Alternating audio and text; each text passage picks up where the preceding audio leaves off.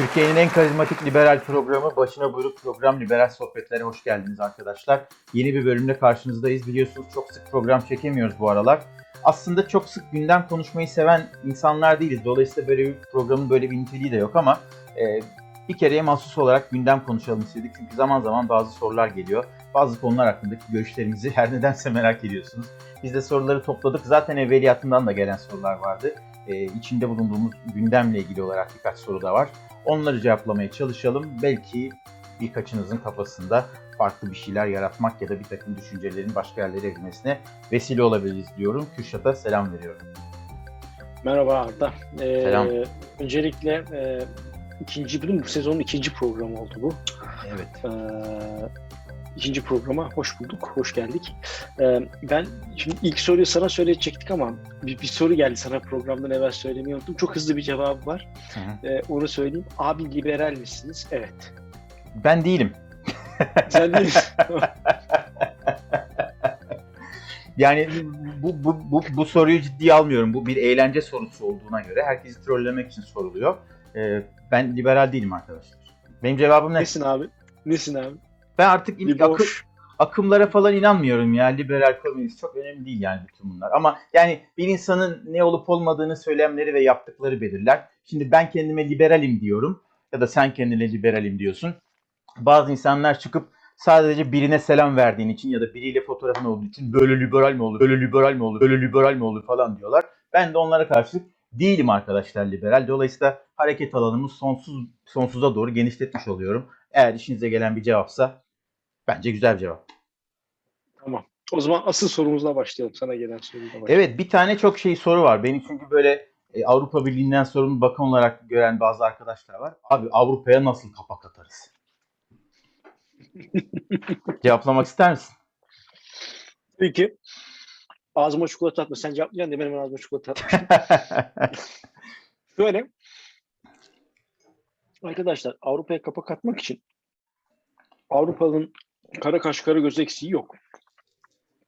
Avrupa'nın eksiği kalifiye eleman ya da çok e, kalifiye olmayan işleri yapacak, ayak işi yapacak adam ama onda da standartizasyonu sağlamış bir adam. Yani mesela Almanya'da e, birçok beyaz yakalının aldığı maaştan çok daha e, iyi maaşları mavi yakalılar alır. Hı hı. Mesela inşaat sektöründe ben Almanya özelinde konuşuyorum. İnş- Ki bütün Avrupa'da da büyük ihtimal öyledir. Ee, inşaat sektöründe çalışan yani tırnak içinde bizim burada hani amelelik dediğimiz işleri yapan arkadaşlar, ustabaşları e, çok iyi kazanırlar. Çünkü gerçekten o işi layığıyla yapacak olan adam, eğitilmiş adam sayısı azdır. Ama bir sertifikasyona ihtiyaç var. Ayakkabı satıcısı bir sertifikasyona ihtiyacı var ama bunlara teminde sıkıntı yaşamıyorlar. Avrupa'nın teminde sıkıntı yaşadığı bazı alanlar var. Mühendislik alanları, tıp e, ve e, yazılım vesaire gibi konular. Buralarda sıkıntıları var. Buralarda daha büyük kolaylık sağlayabiliyor. Yani ne yapacağız? Öncelikle bir yabancı dil. Hangi ülkeye gidecekseniz onun dilini ortalama yani B2, B3, şey B, B1, B2 yani B1'in üstünde ya da C1'e çıkacak şekilde Avrupa Birliği lisans şeyinde o lisans lisanı öğreneceksiniz. İki, sonra lisansınız olacak. Yani hangi işi yapıyorsanız onu sertifikalandırabileceksiniz.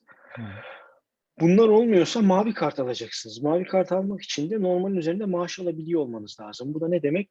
İşinizde belli bir seviyenin üstünde olmanız lazım. Yani nedir o? Ee, mesela ben kendi alanımda söyleyeyim reklamcılıkta. Performans reklamcılığı yapan bir insan. Belki Almanca bilmiyorsa bile Almanya'da iş bulabilir. Niçin? Çünkü performans reklamcılığı yapan insan sayısı az ama talep yüksek. Ve bunu karşılayamadığı için buna izin veriyor. Mesela benim bir Almanya'ya gitme durumum vardı. Olmadı. Niçin olmadı? Çünkü beni çalıştıran şirket bana verdiği maaşla Almanya'da dediler ki ya bu, ma- bu adamı bu maaşla çalıştıramazsın. Bu işi yapıyorsan maaşı bu. Daha altına yapacaksan Almanya'dan herhangi birini o zaman kabul eden varsa onu getir. E, Almanya'da o maaşı kabul edecek adam da bulamadılar. O pozisyon açık. Yapacak bir şey yok. Ee, o yüzden e, bunları sağlamadan e, Avrupa Birliği size kapılarını, kollarını açmış sizi bekliyor değil. Yani benim kelime merhem olacaksın ki gel diyor. Yoksa adam sayısında bir sıkıntısı yok. Ha, şu da var. Peki gidince ne oluyor kısmı? Sen de biraz anlatırsın. Ben de anlatayım. Yani gidince de bazı şeylere alışacaksınız. Yani e, mesela e, sokakta kara kaş kara göz olduğunuz için dışlanmaya alışacaksınız. Ha, şu var. Bir şeydir bu. Trade-off'tur belli noktalarda. Ben burada dışlanmıyorum ama daha beter şeyler görüyorum. Yani iş yerimde en azından orada farklı bir şeyim var. iş güvencesi var, rahatı var. Benim şu an çalıştığım firmada şansıma ben şu an öyle bir sıkıntı hissetmiyorum ama her firmada size o şeyi hissettirmiyorlar. İşte sonra iş beğenmiyor diyorlar. Bir kişi 50 kişinin işini yaptırıp iş beğenmiyor diyorlar. O yüzden eee, uzattım biliyorum ama kısaca son bir şekilde toparlayalım ve kapatalım. Bir, lisan, iki lisans, üç yaptığınız işte farklı olma. Bunları yapabiliyorsanız zaten eee, hiçbir sıkıntınız olmaz. Eee, Avrupa sizi bekler. Ben çok kısa bir cevap, daha olabildiğince kısa bir cevap vermeye çalışayım. Bir kere çok net, e, ben Avrupa'ya nasıl kapak atarım sorusunu soran bir zihniyette Avrupa'ya kapak falan atamazsınız. Bu çok net. Bu anlayışın çalışabileceği bir tek eylem var. İlk, yani sığınmak oraya. Git Yani eğer o da mümkünse kaçak olarak yaşamak. O da giderek zorlaşmakta. E, şöyle bakarsanız meseleye aslında kendi sorunuzu kendiniz cevaplarsınız. Ben bunu başarmış birisi olarak gururla anlatıyorum eğer benim söylediğim şeyin bir karşılığı varsa. Avrupa'ya gitmek isteyen değil, Avrupalı herhangi bir kurumun yani Avrupalı bir zihniyetin çalışmak isteyeceği biliyor olmak lazım. Kürşat onu bazı teknik yeterliliklerle anlattı ama şöyle sorun kendinize. Eğer çalıştığınız sektör her neyse atıyorum Siemens ya da Bosch ya da her neyse. Niçin benimle çalışmak istesinler? Yani bir Alman, bir Belçikalı, bir İtalyan yerine neden Türkiye'den gelmek isteyen ve en temel motivasyonu üretmek, fayda sağlamak değil de Avrupa'da yaşamak olan bir dar bir zihniyeti neden tercih etsinler? Buna verecek cevabınız varsa bu cevabı iş görüşmesinde ya da CV'nizde de anlatabilirsiniz ama bu soruyu soran bir kafanın o o cevabı üretebileceğini zannetmiyorum doğrusu. Aynen öyle. Çok çok güzel özetledin. Yani önemli olan bir de şu var.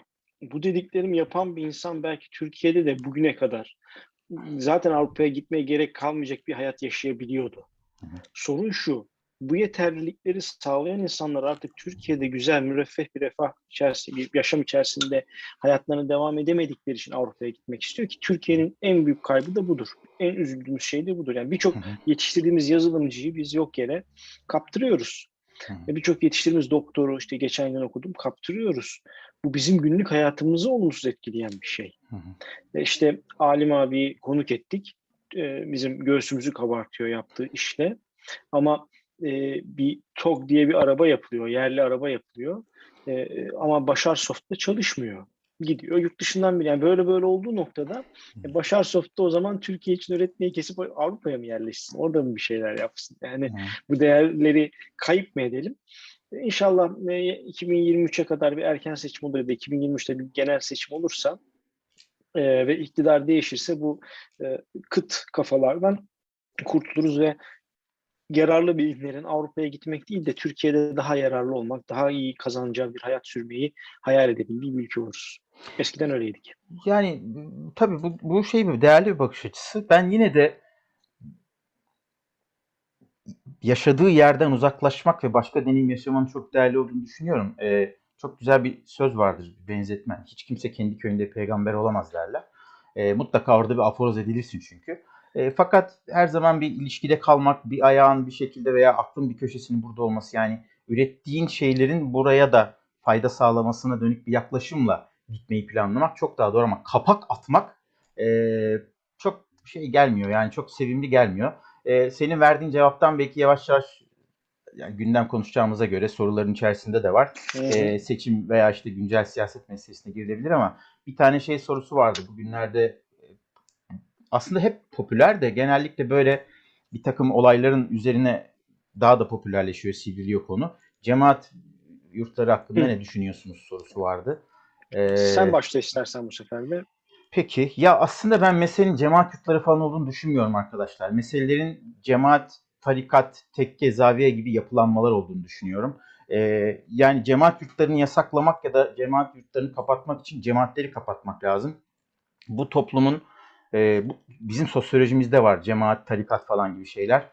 Ee, belki de Cumhuriyet'in en büyük hatalarından birisidir. Ee, erken Cumhuriyet'in en büyük hatalarından birisi. Tekke ve zaviyelerin e, kontrolsüz biçimde yani radikal hatta tırnak içinde faşist bir biçimde kapatılması. Çünkü kapattığınız zaman yok olmuyor. Bu tip kapatmaların tek bir e, tek bir koşulda işe yarayabilir bunlar. Tekrar açılmayacaklarından ya da tekrar örgütlenmeyeceklerinden eminseniz eğer yani bunu sağlayabilecek bir kapasiteniz, gücünüz olduğuna inanıyorsanız ancak bu işe yarar.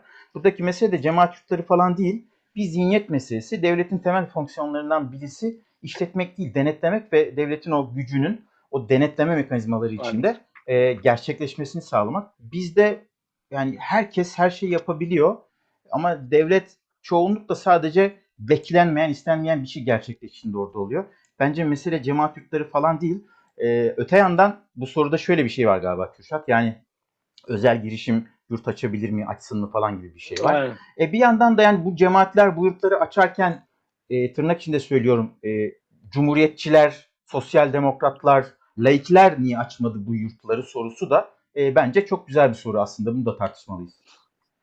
Abi şimdi önce soruya geleyim, ondan sonra yorumu yapayım. Ya, cemaatlerin yurtu, cemaatlerin ya mesela Menzil diye bir cemaat var. E, Mardin'in galiba Menzil köyü ve çevresinde bir ekonomi yaratmışlar. Çok değişik kafalar. Bak, Unutturdular bize şunu ama şu an mesela FETÖ'den daha büyük tehditler. Yani e, bunun gibi yani her türlü her türlü cemaat, her türlü kapalı grup e, bir tehdittir dışarısı için. Çünkü içinde ne olduğunu bilmiyorsunuz. Ne yapacaksınız? Denetleyeceksiniz. Yasaklayarak da dediğin gibi. Yani cemaat yurtlarını yasakladık. Yer altına girdin. Ne yapacaksın?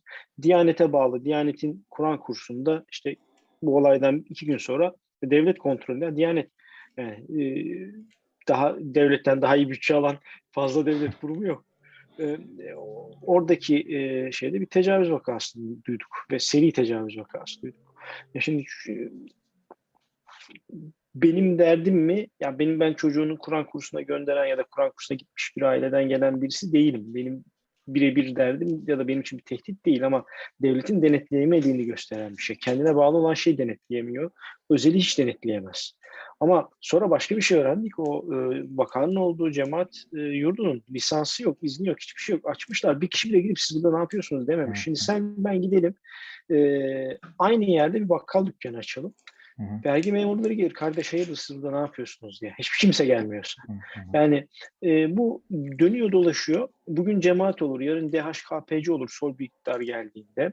Başka bir gün işte e, ne bileyim e, tefeci olur. Anlatabiliyor muyum? Yani e, herkes kendine yakın bir insana e, göz yummaya başladığı noktada iş biter. Dönüyoruz dolaşıyoruz. Nereye geliyoruz? Devletin e, asli görevinden çıkıp diğer işleri yaptığında kendi asli işi olan denetlemeyi yapamamasına geliyoruz.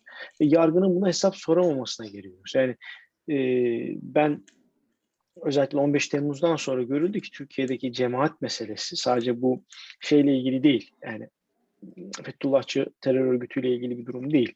E, bütün cemaatler içinde menzilde menzilci terör örgütü. Potansiyel örgüt yani hı. devletin başında şimdi ben şöyle düşün.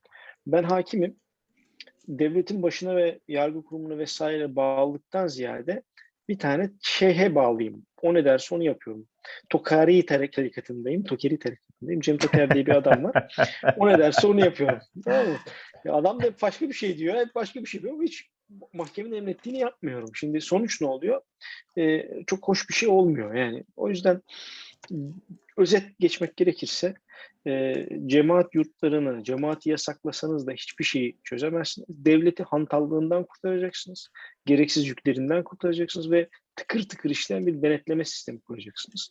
O denetleme sistemi de özelle rekabet edecek ve mahkemeler e, özelin de devletin de raporunu alarak gidecek bazı şeyleri denetlerken ve e, kurum kendini denetletecek. Hı hı. Devlet denetleyecek. Bir de özel kurumlardan birisi random. E, orayı denetleyecek. Üç ayrı denetlemeden geçerek bu üç ayrı denetlemenin sonuna bakacaksınız. Ve e, kotalar da olacak. Yani her kuruluşun belli bir denetleme kotası olacak. Örnek veriyorum. Buna şu an afaki uyduruyoruz. O zaman bir şekilde de şey yapabilirsiniz. Çünkü özellikle dünyanın bu tarafında rüşvetin bu kadar e, adam kıyamacılığın bu kadar şey olduğu noktada devlet olmuş, özel sektör olmuş. E, sorun başka yani. Hı hı.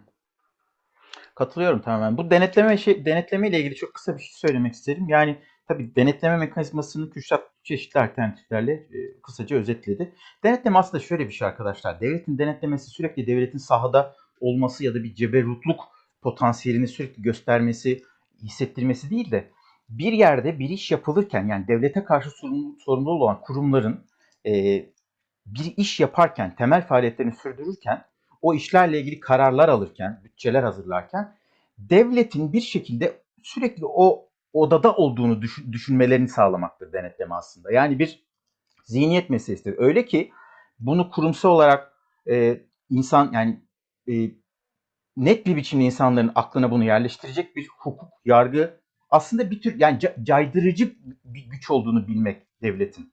Ve bunu sürekli hissetmek. Denetlemenin ilk ayağı bu aslında. Çünkü herkes her zaman her yerde olamaz ama böyle bir e, tırnak içinde böyle bir teyakkuz duygusu yaratırsanız insanlarda bir bilinç, bir sorumluluk yaratırsanız, yaratmayı başarırsanız o zaman işler biraz daha kolaylaşır. Yani ben mesela Almanya'nın sürekli olarak bu tip işte üzerinde konuştuğumuz yurt benzeri gibi yapılar ya da böyle üçüncü parti e, kurum ve kuruluşları sürekli olarak her gün kapılarını çalıp denetlediğini düşünmüyorum.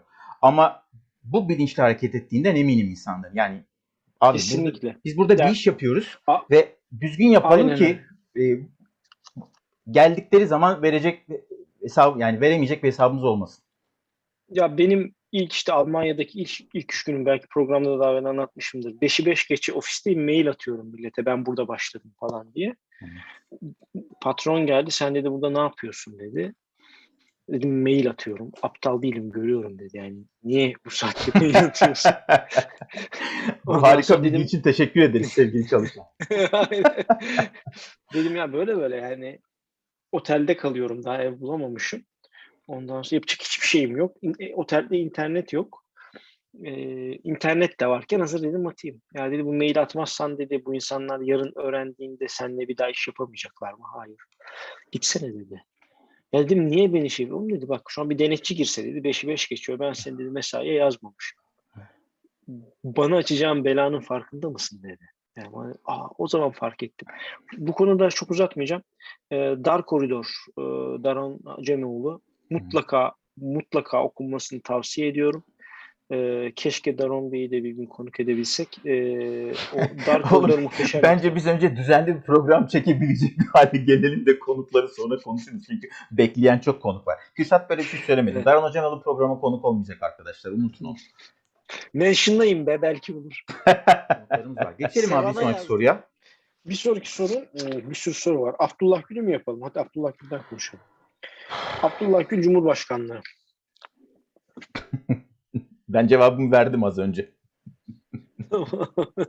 ya şöyle fena olmaz aslında da. Yani e, Abdullah Gül'ün Cumhurbaşkanlığını düşünelim. Gene öyle bir Cumhurbaşkanı olacaksa ne güzel. Yani e, hükümetle kriz yaratmadan hükümeti kendi istediğine getirecek arkadan dinamikleri düzgün bir şekilde yürütebilecekse Hı. bazı şeyleri ya şimdi reddeder diye gönderilmesini engelleyecek bir şekilde bir sisteme gelecekse.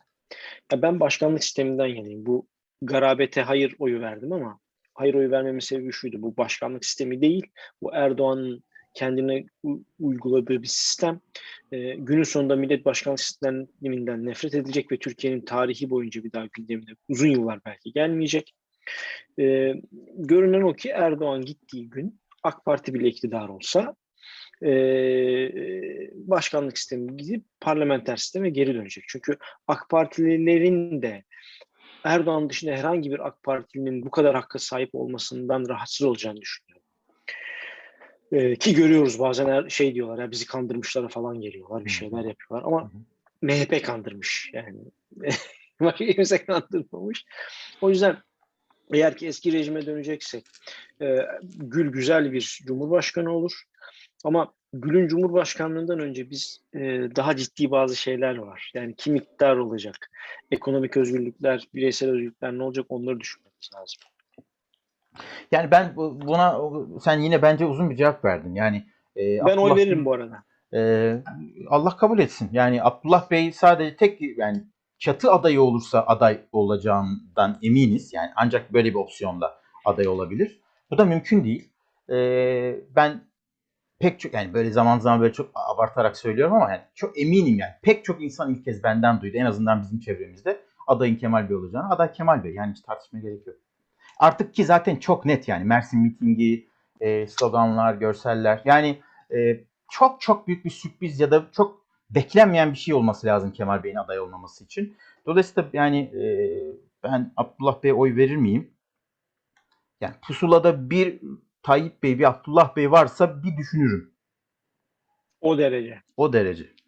Ben düşünmem Yani, basarım. ya şöyle yani şöyle yani oy vermemeyi düşünürüm aksi halde. Bilmiyorum yani kötü bir cumhurbaşkanı değildi bence. Şimdi bunun için linç yerim.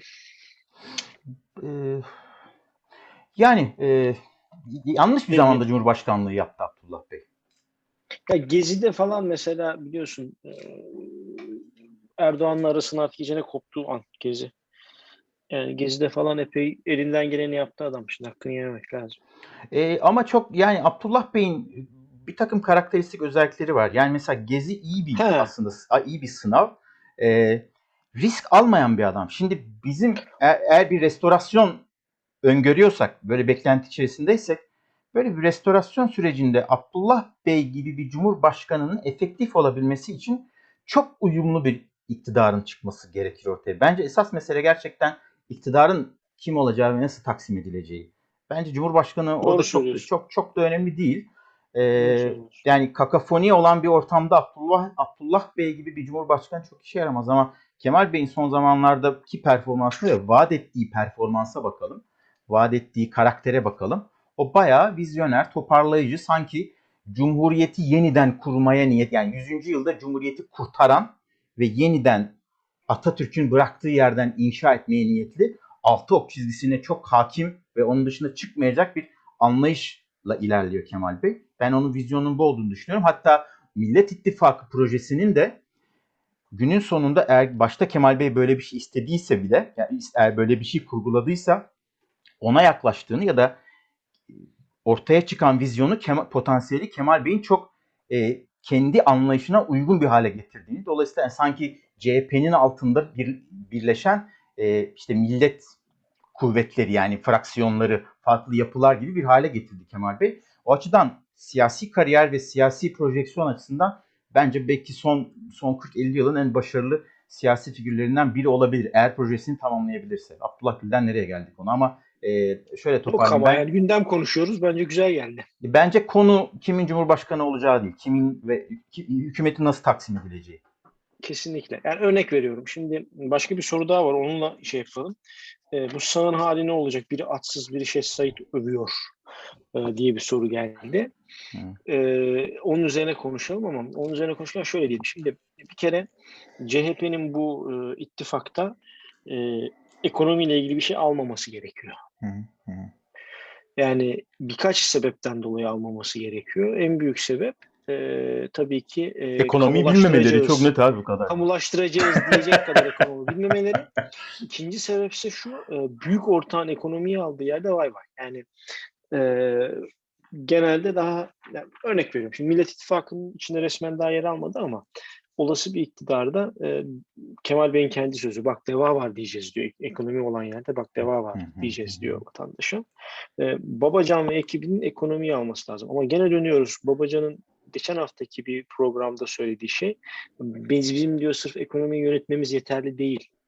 Adaleti de bizim yönetiyor olmamız lazım diyor. Yani adaletle ilgili konuları da bizim yapıyor olmamız lazım ki diyor. Çünkü ekonomi sadece ekonomi değil diyor.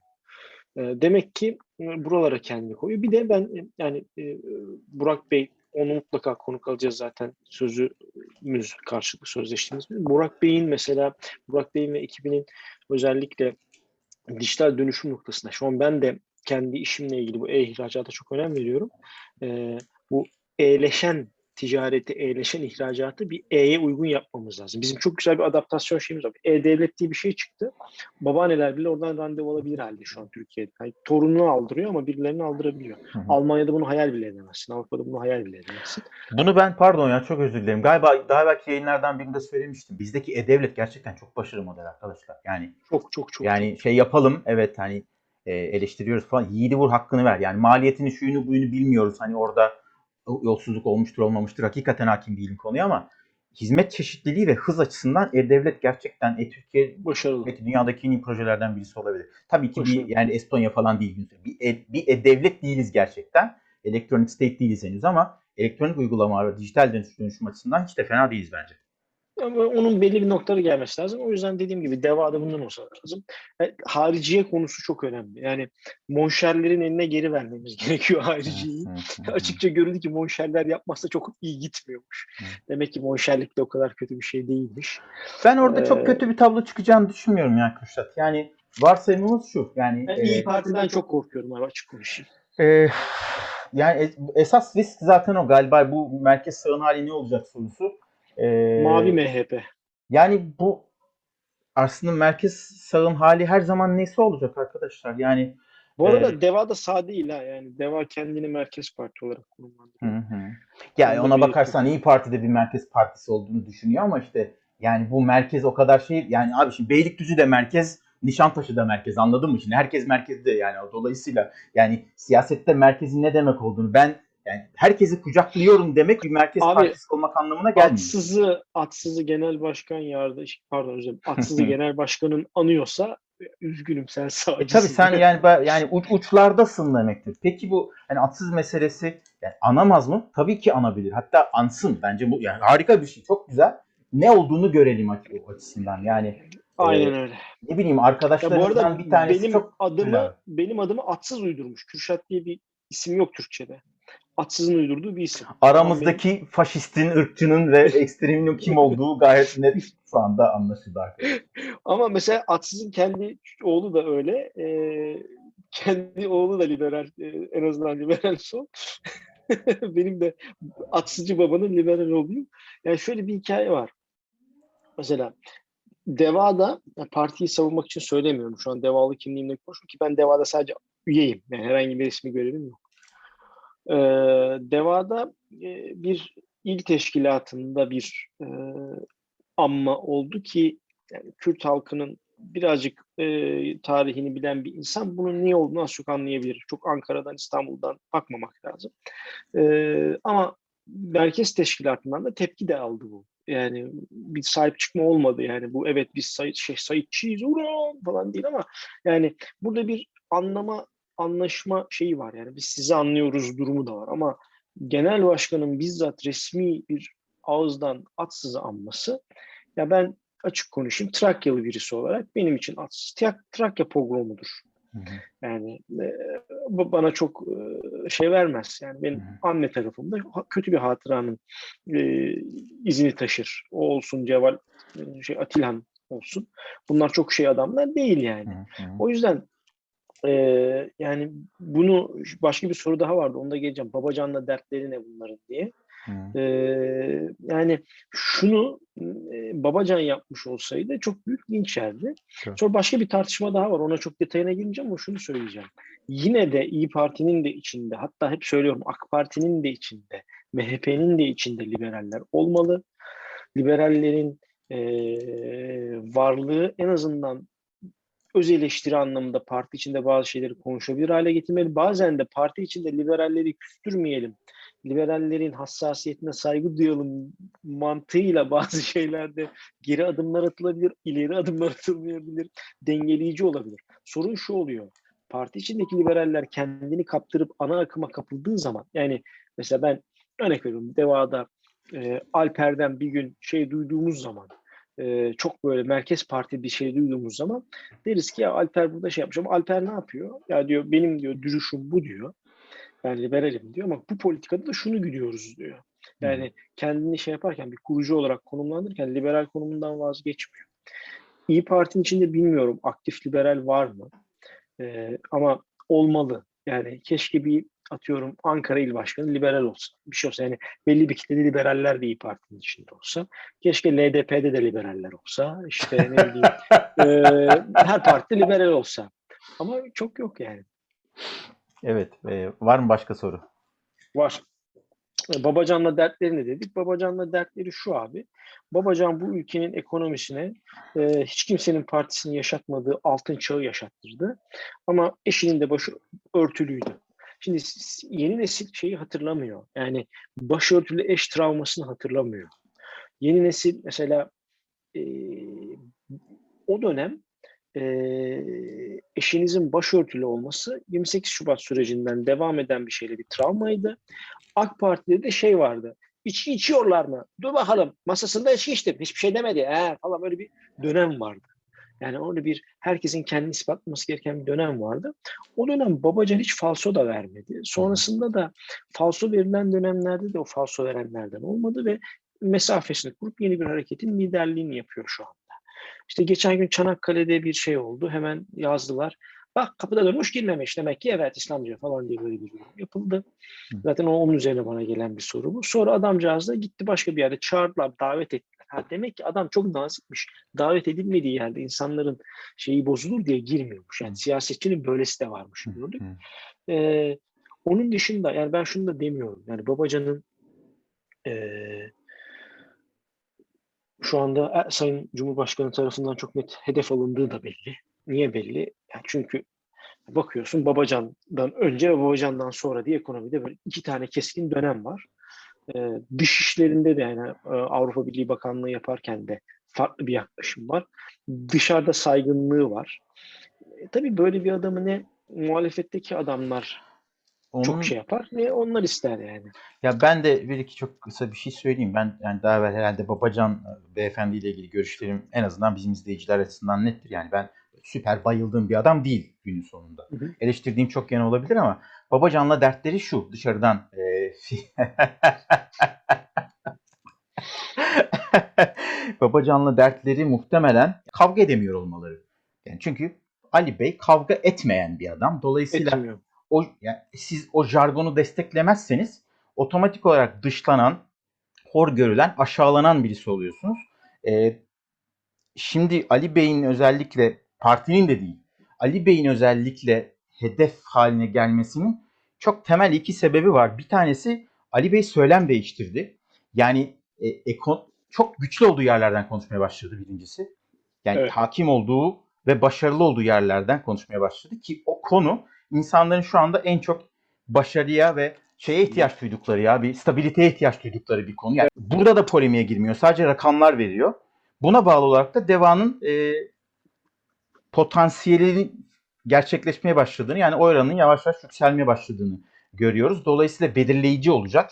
E, o yüzden Ali Bey herhalde bence hedeften hedeflerden bir tanesi ve majör hedef haline gelecek yakın zamanda. Şimdi en sevdiğim e, bu İlkay'ın sorusu. iki soru sormuştu. İlkay birini başlarda konuştuk. Bu ikinci sorusu. Tam yayına girmeden evvel abi çektiğiniz bir soru daha var dedi. LDT, LDP konusu. Hı hı. E, buna da birazcık girelim. E, sanırım Besim Bey'in bir kitabı e, da e, şey geçiyor. Yani şey yapmıyorlar. Toker anlatıyor. Ben kısaca anlatayım. Toker Toker. anlatıyor. Galiba Sen Besim- ben tabii Besim Bey'in kitaplarından birinde olabilir. Toker anlatıyor. E, LDP-LDT ilişkisi üzerinden. Ben o dönemleri hiç bilmiyorum gerçekten. E, ilk, ilk dönem LDP ile LDT birbirine çok yakındı. Bir süre sonra LDT LDP'ye mesafe koydu diye şikayet ediyor e, Toker. E, hatta şöyle bir örnek veriyor. E, yani a- ofisler altlı üstüydü. Sonra galiba bir taşınma falan oluyor. Bir aşamadan sonra bize biz toplantılarımızda siyasetçi istemiyoruz demeye başladılar. Ama bize siyasetçi istemiyoruz dedikleri toplantılarda baktık ki siyasal İslamcılar Refah Yolu'nun ve Refah Partisi'nin çeşitli e, işte üyeleri hatta o dönem milletvekilleri falan o toplantılarda bulunuyordu gibi bir eleştirisi var Cem Toker'in. Onu soruyor zannediyorum. Ya şöyle o dönem şeyi anlatayım ben. Ee, bildiğim kadarıyla çünkü hepsine şahit değilim ama gördüklerimi anlatayım. Doğru yollular da vardı. Ee, a- işte şeyler de oluyordu. Ben LDP'liydim, ben de gidiyordum. Gençlik kollarındaydım, gidiyordum. Ee, ama onur konuğu olmayı bekliyorlarsa onur konuğu olmuyorlardı. Onu söyleyeyim. Hı. Davet almaya geliyorsa davet almıyor olabilirler konuşmacı olarak. Ee, yani Cem Bey'in niye konuk alınmadığı az çok ortada. Yani tabii bir, öyle bir toplantıya konuk alınıyorsanız bir şey öneriyor olmanız lazım. Sözünüzde şeyinizle e, katkınız olması lazım. Besim Bey'in alınmıyor olması farklı. Onun birazcık detayına inmek lazım. Şimdi ben LDT adına konuşmayayım. Ama galiba orada da söylemiş. İlkay bana bir screenshot attı. Sonra da işte yılın liberali, asrın liberali seçtiler diye. Demek ki Besim Bey'de bir dertleri yokmuş. Bir de bir şey gördüm ben e, İlkay'ın bana attığı sayfada. E, Norman yardımlarından, AB yardımlarından bahsediyor. Yani şimdi 2000'li yıllarda ben e, şeydeydim, partideydim. E, biz Norman sponsorluğunda LDP ile yakın derneklerin toplantılarına çok e, konuk oldu Cem Bey. Hı hı. E, herhalde kıskanıyordu diyeyim şeyi e, AB'den fon almayı. Ya şöyle bir şey var arkadaşlar. Fon almak ayıp değil. Bugün e, Shell ile ilgili bir konuda ben onu okudum. 1984 ile ilgili bir konuda da onu okudum. E, fon almak e, siz bir projenizi fonlandırıyorsanız ayıp değildir. Ama siz birisinden hazır bir projeyi alıp fonumu onu her şeyi hazır alıp ne konuşacak konuşmacılar da alıp siz onu yapıyorsanız siz orada profesyonel çalışıyorsunuzdur. O ayrı bir hikaye. Ama yani 84'ün de öyle bir şey yaptığını zannetmiyorum. LDT'nin de öyle yapmadığını biliyorum. LDT ya da Norman Vakfı ile ben projede yaptım geçmişte. Norman Vakfı asla bunu yapın diye bizim önümüze koymadı. Biz ben örnek veriyorum. Biz bu sene kadın hakları ile ilgili projelere öncelik vereceğiz dediğinde bir tane kadın haklarını da önceleyecek proje koyuyorsun ki bir proje daha yapayım. Ee, insan kaynağıma bir katkısı olsun. Ee, daha çok insanı çekebileyim, oradan üye çekebileyim diye bunu yapıyorsunuz. Ki varlığının sebebi odur. Ama şu var, şunu diyebilirsiniz ya kardeşim e, ben Almanya'dan fon alınmasına karşıyım. Alma kardeşim Almanya'dan fon.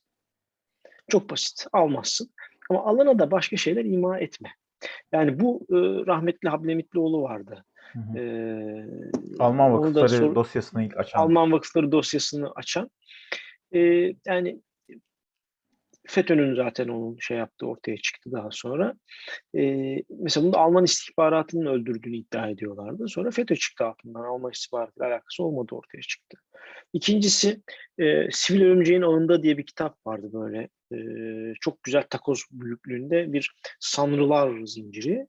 Ondan sonra orada böyle şeyler yazıyordu. Makul ama dikkat ettiyseniz kafayı bir şeyle bozmuş insanlar. Yani makul bilimsel bir şey değil. Ben e, yani LDT LDP çatışmasında sorunu fonlarda değil ya da işte 84 LDT çatışmasında sorun fonlarda değil. E, düşüncelerde aramaktan yanayım. LDP e, 2000'li yıllardan sonra ortaya ne koymuş gibi yerlere konuşmacı çağrılsın. E, ya da e, elinizde bir vakıf var. Mesela 84'ün başarısı ya işte e, çocuklar disiplinli bir şekilde çalışma yaptılar. Bakın biz burada iki tane hıyar bir araya gelip program yapamıyoruz. Bu arkadaşlar düzenli olarak çalışmalar yaptılar. Akademisyenler zaten yazılarını yazdılar, dergileri çıkardılar. Başarı geldi. Yani fon da geldi. Şu an biz fon istesek bize fon verirler mi? Adam bakar der ki kardeşim sen bir programı çekmişsin Anya'da diye çekmişsin Konya'da. Yani bana niye gelmez? Bu yüzden gelmez. O yüzden eğer 84'ün yaptıklarından e, liberalizmi doğru temsil etmediklerine inanan liberal arkadaşlar varsa aynen 84 isminde çalışsınlar, fon da alırlar. Yani belki Türkiye'den fon bulurlar. İş adamlarında öyle liberal iş adamı çok e, destek de olur. Ama önce bir süreklilik olması lazım. Hı E, 84 onu yaptı. Çok da başarılı Ya bir de ha, bir- şu var. 84'ten bir arkadaş var mesela. Bir şey yapıyoruz, uğraşıyor. Ya da işte e, 84'ten bir arkadaşımızı konuşmacı çağırmak istedik. Sizin orası mındar dedi. Atilla Yayla çıktı ben çıkmam dedi.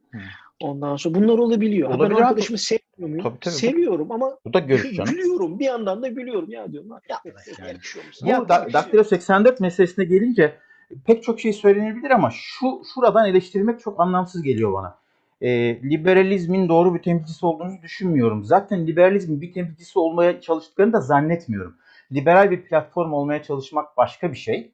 Liberalizmi savunmak, bunun bayrak taşıyıcısı olmak başka bir şey. Bir Ancak- şey daha Atilla Hoca ile ilgili mevzusu var. Şimdi o kısmı bitirip bu kısma başlayalım. Ya Atilla Yayla'yı buraya konuk aldık. Zaten insanlar da gördü. Şunu eleştirebilirsiniz. Atilla Hocam, siz hükümetin şu politikasının doğru olduğunu düşünüyorsunuz. Ama bence bu bu ilkelerden dolayı yanlış. Atilla Hoca düşünür, doğru diyorsun. Ama ben böyle düşünmüyorum der ve biter. Ama e, işte AK Partili işte emekli amca bilmem ne falan filan deyip ya, bak ben Toker'e çok kızarım ters giderim ama yapmayacağım bir şey var. Benim üzerimde katkısı çoktur. Kavga etme noktasına gelmemiş olsaydık ben bugün uğraşmazdım. Ben şu an uğraşmamın sebebi biliyorum ki gıcık oluyor. Gıcık etmek için uğraşıyorum. Yoksa umurumda değil. Bana ne? Yani anlatabiliyor muyum? Ee, mesele o. Şeyde de Atilla Hoca meselesinde de ya Atilla Hoca'yı hani rahmetli Hrant'ın toprağı bol olsun. şeyi vardı ya o e, katledilmesine sebep olan yazısında diasporaya söylediği bir şey vardı da millet yanlış anladı. Hı. Atın şu Türk zehrini kanınızdan diye. Yani kendinize Türk Türk Türk Türk deyip Türkiye Türkiye soykırım soykırım soykırım deyip buna tıkamışsınız. Ermenistan'ı fakirlik götürüyor. Dünyada Ermeni halkları fakirlik içerisinde yaşıyor. Birkaç tane geçmişte iş yapabilmiş, zenginleşebilmiş insanların dışında birçok insan fakirlikle siz hala Türkiye'de uğraşmaktan kendi asıl sorunlarımızı yapamıyorsunuz. Diaspora Ermenistan'ı şey almış. Türkiye'deki Ermenilerin garibim sesleri çıkamıyor birçok noktada. Çıkanı zaten bir şekilde işte e, başka bir sebeple de olsa Ulan zaten işte kaç tane var ki ses çık yani çıksa Aynen çıksa ne kadar öyle. ses çıkar yani. en sesi çıkan Sevan'dı. Garibimi şeyi bahane edip, imar şeyini bahane edip hapse attılar. Ya adam o kadar doğrucu somut ki. Ya çok seviyorum adamı. Yunanistan'da da istenmeyen adam ilan edildi. yani herhalde dünyada onun kadar istenmeyen adam ilan edilen yoktur. Yani diyorum ya uğraşacak hiçbir şey yok. Atilla Yayla ile kavga etmek yerine Atilla Yayla'ya katılmadınız. Ben işte programda olmadım. Daha programda konuştuk. Hocam ben sana katılmıyorum. dedim. Bu kadar basit. Kalkıp da kişilikle uğraşmaya, kişiyle uğraşmaya sen AKP'yi savundun. Savunmadım alçak çıkar göster falan demeye gerek yok. O Perinçeklere yakışan şey. Bize yakışan şey değil. Evet sorular bitti bu arada. Evet abi tamam bitirelim o zaman. Yani bu bu hani yayla LDT falan o fasılda benim söyleyecek hiçbir şeyim yok. Yani çünkü e, e, ben yine senin belki şöyle söyleyebilirim yani senin söylediklerini belki özetleyen ya da kompakt slogan bir haline getir. Sadece aptallar insanlarla uğraşırlar. Yani e, fikre içeriye bakmak lazım. E, Valla benim zamanım çok kıymetli. Ben artık hakikaten böyle tekil tekil abi şunun hakkında ne düşünüyorsun? Ha bazı arkadaşlar bana zaman zaman şey gönderiyorlar. E, çoğunlukla Atilla Hoca için oluyor bu. E, ya da işte benim kendilerine göre beni yakın gördükleri ama yakın olmamam gerektiğini düşündükleri insanlar. Böyle böyle demiş ne düşünüyorsun? Kendisine sor abi bana, bana niye soruyorsun? Yani ben onun noteri ya da onaylayıcısı ya da reddedicisi değilim ki abi. Kendisine sor yani. Ama siz kendisine sormuyorsunuz. Bence problem bu. Hakaret ediyorsunuz. Küfür ediyorsunuz. Aşağılıyorsunuz. Bir diyaloğa küfrederek, hakaret ederek, hırçın başlamak o diyaloğun asla gerçekleşmeyeceği anlamına gelir. Rasyonel biçimde Erkan- sorularınızı sorun. Erkan Baş'tı değil mi? Bu Evet şey, evet. Muhteşem Parti. değil mi? Muhteşem Gördün mü videoyu? Evet. evet Videoyu muhteşem. gördün mü? Ya adam adam peygamber gibi adam ya. Yani e, geçmiş karşısında sloganı tekrar ede ede ede ede, ede, ede söylüyorlar. Anlamaya çalışıyor ilk başta. Ben o diyor o bilgi bende yok diyor. Bu dediğinle ne demek istiyorsun diyor. Bu böyle olabilir mi falan. En sonunda adam artık dayanamıyor. Cevap veremeyince değil mi? Diyor. Ya, ya büyük ihtimalle arkadan bir tane ekibin içinden dışarıdan birisi çocuğu dürtüyor mürtüyor bir şey yapıyor da heyecandan bağırmaya başlıyor. Bilmiyorum çünkü arkasını görmüyoruz. Orada zaten bir nezaketsizlik var. Yani izinsiz bir çekim var ama adam tamam ben izin, ya bu yaptığım nezakete aykırı ama izin veriyorum gel çek diyor. Hı. Benim bu konuda gocunacak bir şeyim yok diyor. Ya bu arada yani bahsettiğimiz kişi de şimdi bak e, ben komünizmle e, çok içli dışlı bir adam değilim. Seven bir insan değilim. Komünist e, Yani bağırsa ama- bağırır, kavga eder yani adam. Heh, ama yani komünist e, jargonu içerisinde de onu orada hırpalarlardı yani. Ben İstanbul Üniversitesi'nde az Hırpalarlar mıydı? görmedim. Hırpalarlar mıydı?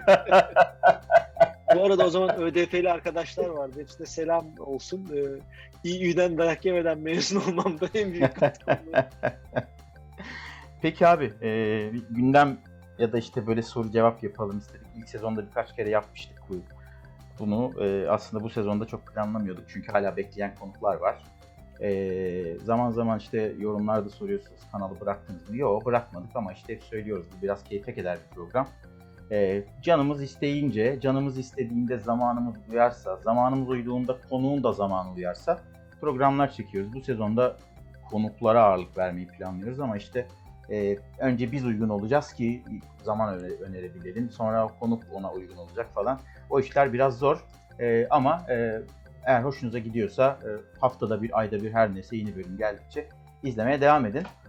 Liberal Sohbetler'in ikinci sezonunda yeni bir bölüm seyrettiniz. Bir sonraki bölüm kim bilir ne zaman. Görüşmek üzere.